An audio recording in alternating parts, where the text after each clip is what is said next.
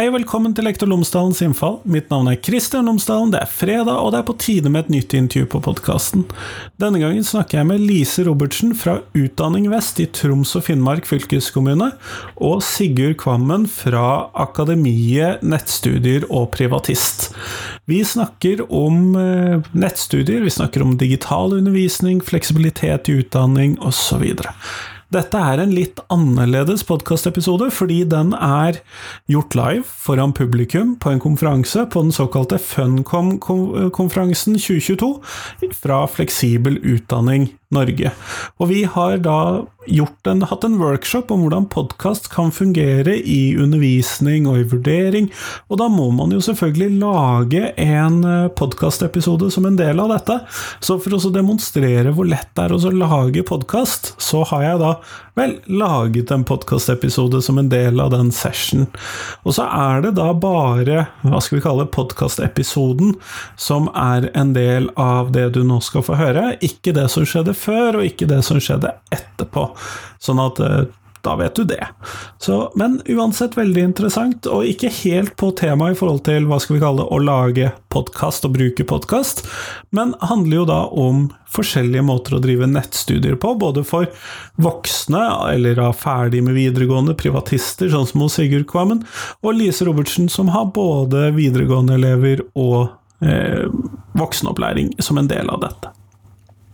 Men podkasten er som alltid sponset av Fagbokforlaget, og Fagbokforlaget utgir bøker og digitale læremidler for hele utdanningsløpet, fra barnehage til høyere utdanning og profesjonsstudier, samt norsk for minoritetsspråklige. Og det siste året så har det selvfølgelig kommet ut en rekke spennende titler til lærerutdanningen, og to av disse det er Lekende læring og lærende lek i begynneropplæringen, og Profesjonell muntlighet. Og i boken Lekende læring og lærende lek utforsker forfatterne ulike tilnærminger til lekbasert undervisning, innenfor fag, på tvers av fag, og i skoledagen og i skolemiljøet. I profesjonell muntlighet så handler det om stemmebruk, retorikk, diksjon, og er skrevet for alle som lever av å snakke. Fagbokforlaget kommer stadig ut med nye læremidler, så følg med på fagbokforlaget.no. Nå får du intervjuet med Sigurd Kvammen og Lise Robertsen, vær så god.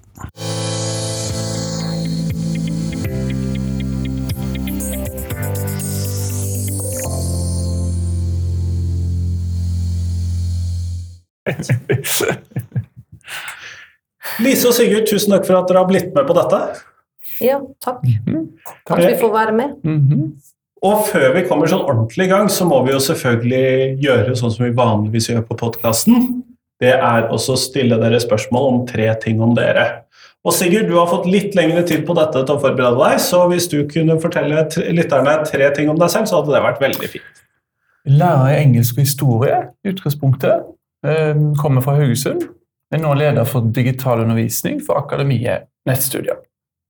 Kjempeflott. Det var tre, det. Det var tre. Lisa, vær så god. Jeg er fra Tromsø, én ting. Jeg er utdanna historiker, veldig stolt for det. To ting. Tredje tingen, jobber nå for eh, skoleeier i Troms og Finnmark fylkeskommune. Det var kanskje litt kjedelig, tre ting, men Å nei, men det, det er, eh, Særlig når vi har litt dårlig tid, så er det tre litt sånn korte, kjedelige ting som er det vi er på jakt etter mhm. for å gjøre dette. Og hvis du skulle beskrive den digitale undervisningsbiten til Troms og Finnmark, eller til da gamle Troms, hvordan ser det ut? Eh, tenker du hvordan vi utvikler den digitale undervisninga ja. vår. Ja, eh, vi er jo eh, litt prega eller fanga av opplæringslov. Det vil si at vi har en del kriterier. Vi må ha sanntidsundervisning. Sånn at Måten vi har lagt opp på, er at vi underviser via um, Microsoft 365. Vi bruker jo Teams. Vi lager har ja, I løpet av, la oss si hvis man skal ha engelsk, så har man så og så mange timer som man må undervise i sanntid. Og så, Det er mot elever. Og så er det klart at når du har voksne kandidater, så er det en del andre spilleregler som kommer inn her. Men det er sånn vi legger opp undervisninga. Men hvor mange elever er det snakk om som dere treffer med dette? Altså, i, På Nettskolen Troms, sånn som den det jeg har jobba i, så har vi ca. 220 eh, kandidater og elever. For at vi har undervisning både mot elever, men vi har også mot kandidater, voksenopplæring. Vi har jo representanter her som kan snakke litt mer om det. Men vi har også mot lærlinger som er ute i bedrift, men som må ha tilrettelagt undervisning eller opplæring. Sånn at eh, det er veldig mange Et bredt felt? Ja, et veldig bredt felt. Og det er klart at fylkeskommunene nå får jo større og større hva skal jeg si, eh, med fullføringsreformer, og så får vi jo et enda større og bredere felt som vi er nødt til å ja, som vi har ansvar for, rett og slett. Sånn at um, jeg tenker at nettskolene, de fylkeskommunale nettskolene, den tror jeg bare vil bli å vokse mer og mer. Jeg bare gjorde et podkastopptak i Hammerfest. Ja.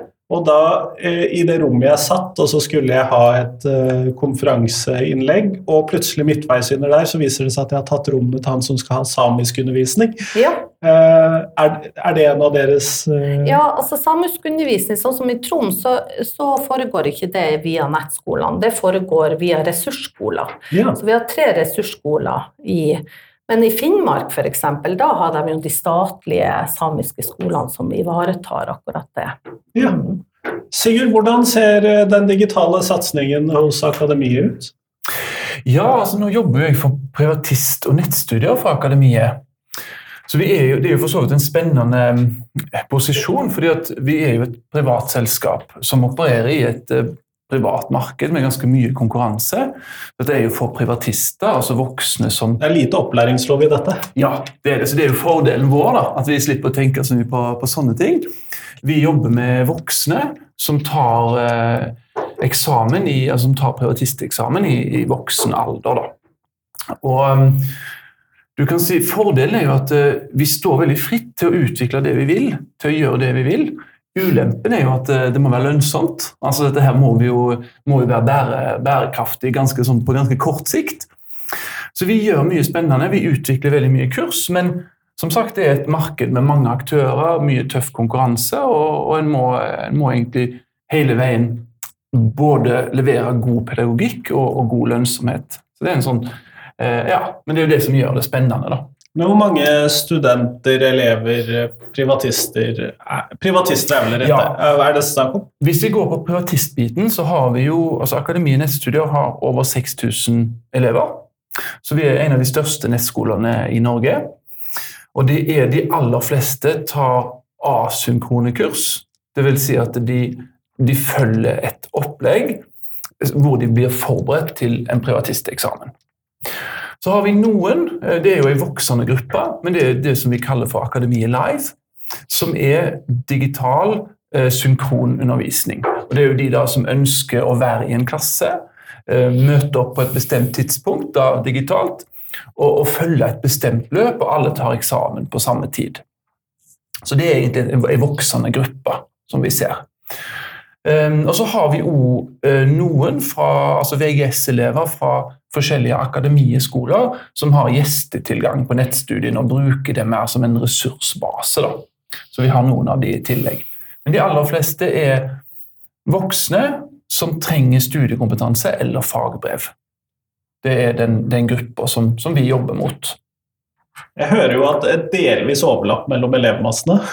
Ja, litt sånn, ja. Eh, ja jeg tenker at vi som er fra det offentlige og jobber med offentlige nettskoler eller nettstudier. Vi har jo noen stoppskilt som ikke private aktører har. Og vi har jo jobba ganske aktivt nå opp mot, eh, mot, eh, opplæringsloven og de endringene som vi ønsker der. For at vi, vi må forholde oss til Eh, det type lovverk når vi skal tenke nettbasert undervisning. Og der møter vi mange stoppskilt, faktisk, i mhm. forhold til hvordan vi skal på en måte kunne gjøre det så fleksibelt som mulig for både elever og for, eh, for kandidater. F.eks. så er det jo sånn at de eneste som egentlig har lov til å drive nettbasert undervisning eller fjernundervisning, er jo faktisk nå samisk og kvensk. Det står det jo ganske sånn. Så ser man jo at både det offentlige sjøl har også snodd seg liksom rundt lovverk i forhold til det, og eh, for å kunne gi et bedre tilbud til elever. F.eks. elever i eh, Finnmark som ønsker egentlig å ta kinesisk, men man har ikke kapasitet. Det er ikke mange kinesisklærere i Finnmark. Nei, det fin det, jeg skal ikke si at de ikke finnes, men, men så vi har ikke de mulighetene faktisk som det private markedet har. Så nå vet vi jo at vi jobber ganske ja, hardt mot, mot politiske systemet for å få lov til å faktisk gi et så bredt tilbud som mulig til elever i skolen. For skolen i seg sjøl som institusjon er jo ikke eller har i hvert fall potensial til å bli mer fleksibel. Og sånn som um, uh, det er i dag, så ser vi at vi på en måte har store begrensninger i forhold til det. Mm. Og der er jeg litt sånn Når jeg liksom lytter til deg og alt det du kan gjøre Og, og jeg har sjøl vært i privat, vi har nettopp prata om det. sånn at når jeg gikk fra privat, og har egentlig samme bakgrunn nesten som han Sigurd Når jeg kom til det offentlige, så lot jeg meg prater liksom om skolen kan bli mer fleksibel, så har man egentlig så mange begrensninger der. Og stoppskiltene er så gigantisk som gjør at man ikke får den utviklinga man vil ha i det offentlige. Sikkert noen som er litt uenig med meg i det. Jeg vil jo raskt Det regner jeg med. Mm. Ja. Altså Det er jo veldig interessant det du sier. Jeg er jo litt bitter på Lise, for vi i Akademiet tapte et stort anbud til Forsvaret. Vi skulle levere nettkurs til ja, tusenvis av eh, førstegangs tjenestesoldater. Og jeg jobba så mye med det anbudet, jeg synes det var kjempebra. Men vi tapte mot eh, ja, skolen som du jobber for, eller den private skolen som ja, du jobber for. Ja, Askundervisning, ja. Mm. Men nå må jeg jo legge til at det, du kan si Kompetansemålene i de her kursene er jo de samme. Så du kan si hvis de, sånn som Når vi utvikler et kurs i. For, for de som trenger engelsk VG1 fra videregående, så er jo du kan si det faglige innholdet er jo likt. Du skal bli forberedt til en privatisteksamen, og, og da må du dekke alle de kompetansemålene. Så hvis dere la ut det åpent, så kunne jo elevene til Lise stikke av med i gåseøynene det innholdet og bruke det? Ja, men da kommer du inn på et veldig interessant tema. for det Altså, I dag så finnes det jo så utrolig mye læremidler overalt. Altså Hvem som helst kan jo gå inn på NDLA. Der har det blitt brukt mange millioner på å lage fantastisk flotte læremidler som er tilgjengelige for alle. Ehm, hvem som helst kan kjøpe ei lærebok og bruke den. Så det er det som folk eh, vil ha, det som er viktig for folk, er faktisk læreren. Fordi at det, altså, Jo, de vil ha lærestoffet lett tilgjengelig. De vil ha et nettkurs som sier at uh, du skal gjennom leksjon 1, og 2, og 3, og 4 og 5, og så skal du ta eksamen. Så de, de vil at noen skal ha tilrettelagt det, det lærings, uh, de læringsressursene. Men så vil de ha en lærer som kan hjelpe dem når de trenger det. Um, og Det er liksom det som er veldig spennende her, det er at folk ønsker fleksibel utdanning. så De ønsker å studere hvor og når de vil. Men så vil de ha en lærer som ser dem, og som hjelper dem når, de, når, de, når det passer for dem. Mm. Det er egentlig det som er trenden. da. Er det noen trender dere også ser hos dere, eller at det er ønskelig, eller er det Altså, læreren du, du, vil jo aldri hmm, altså, Læreren vil bestandig være den viktigste. Altså, vi alle sammen husker jo den gode læreren. Eller den dårlige læreren. ikke sant? Vi har jo alle skrekkhistoriene og de her fine, gode historiene. Så læreren, Men jeg tror at eh, sånn som nå når jeg jobber i offentlig, så ser jeg at det her er på mange måter en slags sånn profesjonskamp mot når man snakker om digitale eller fleksible løsninger eller nettbaserte løsninger. Så prater man hele tiden om at ja, læreren sin funksjon ramler bort, men egentlig så endres han jo bare.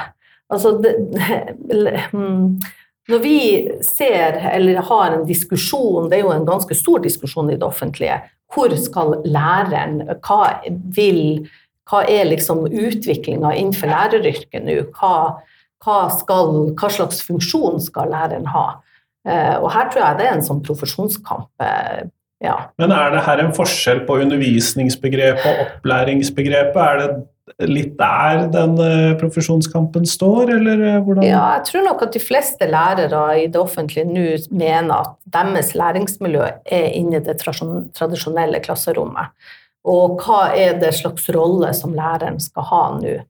Eh, så jeg tror man er litt sånn redd også av den digitale utviklinga for, for ja, bare se på den diskusjonen man kanskje har i med mobiltelefonbruk ikke sant, inne i klasserommet, der man nå kjemper for å få eh, eh, mobilhotell. Altså at eleven skal legge fra seg mobilen når undervisninga starter, istedenfor å bruke mobilen som et eh, godt eh, virkemiddel i det pedagogiske opplegget. Ikke sant? Her står kampen faktisk, der noen lærere syns det er en vederstyggelighet, eh, alt som har med det digitale.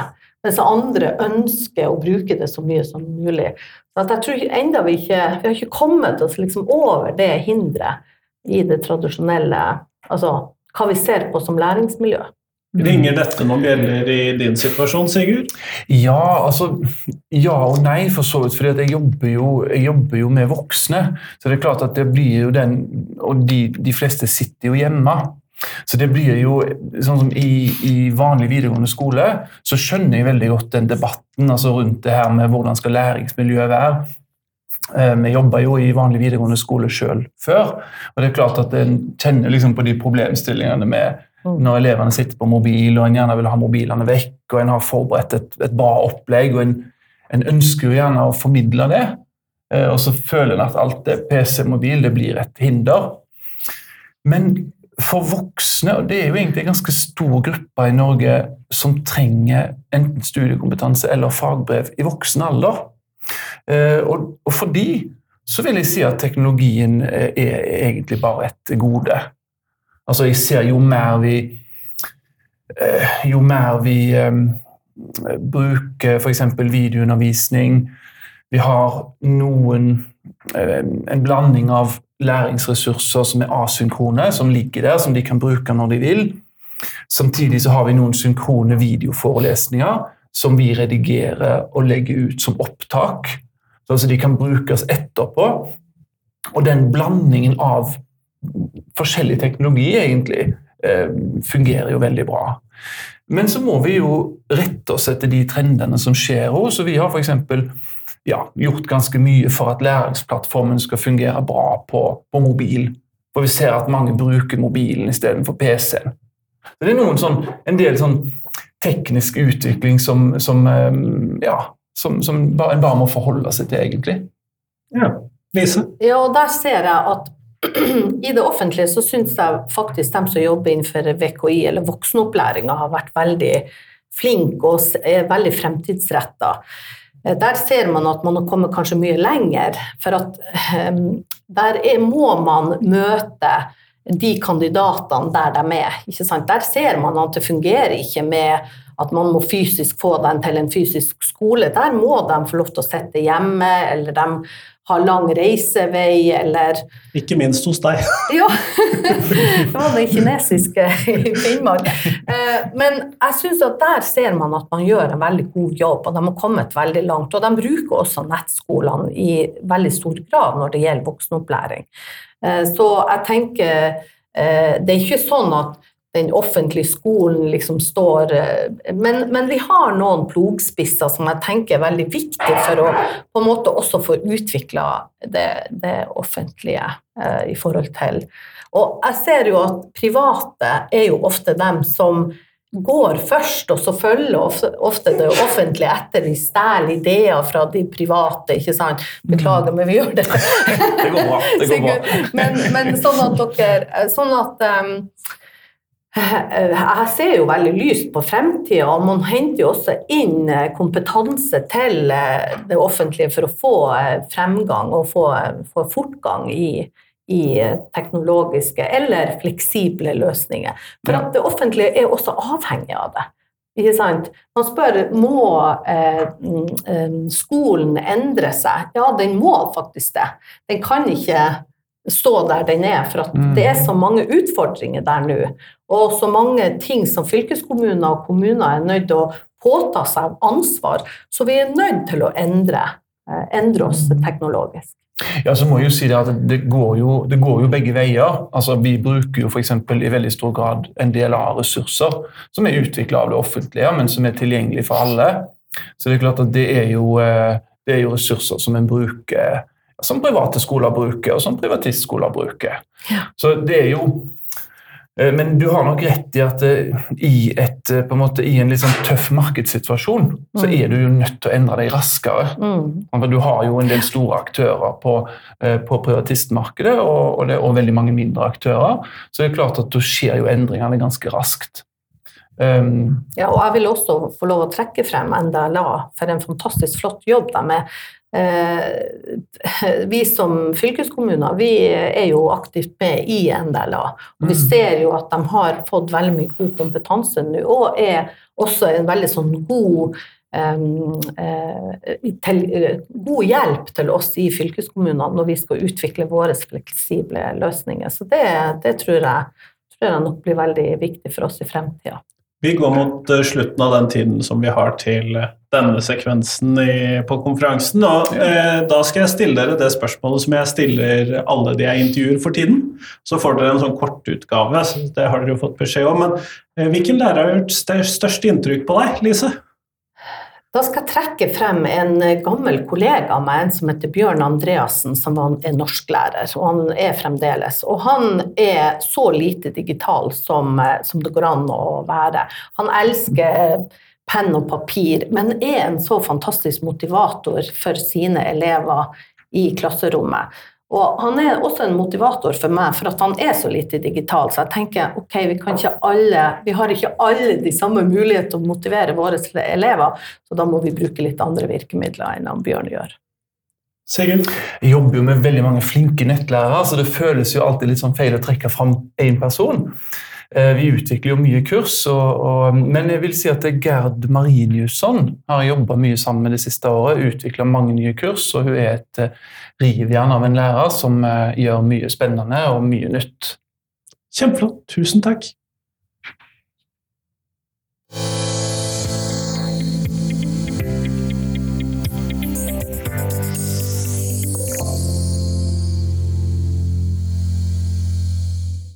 Tusen takk til Lise, tusen takk til Sigurd, og tusen takk til dere som hørte på i rommet.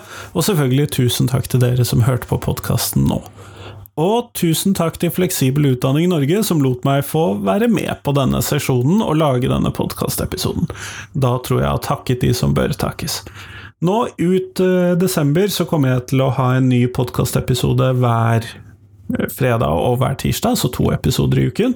Og det er rett og slett fordi at jeg har noen sånne ekstratemaer som jeg tenker at det er viktig at får komme ut ganske så kjapt og med en gang. Så er jo dette alltid vanskelig, for jeg mener jo det at alle podkastepisodene mine er viktige, men eh, noen ting har litt kortere, hva skal vi kalle er nødt til å komme ut fortere, heter det vel.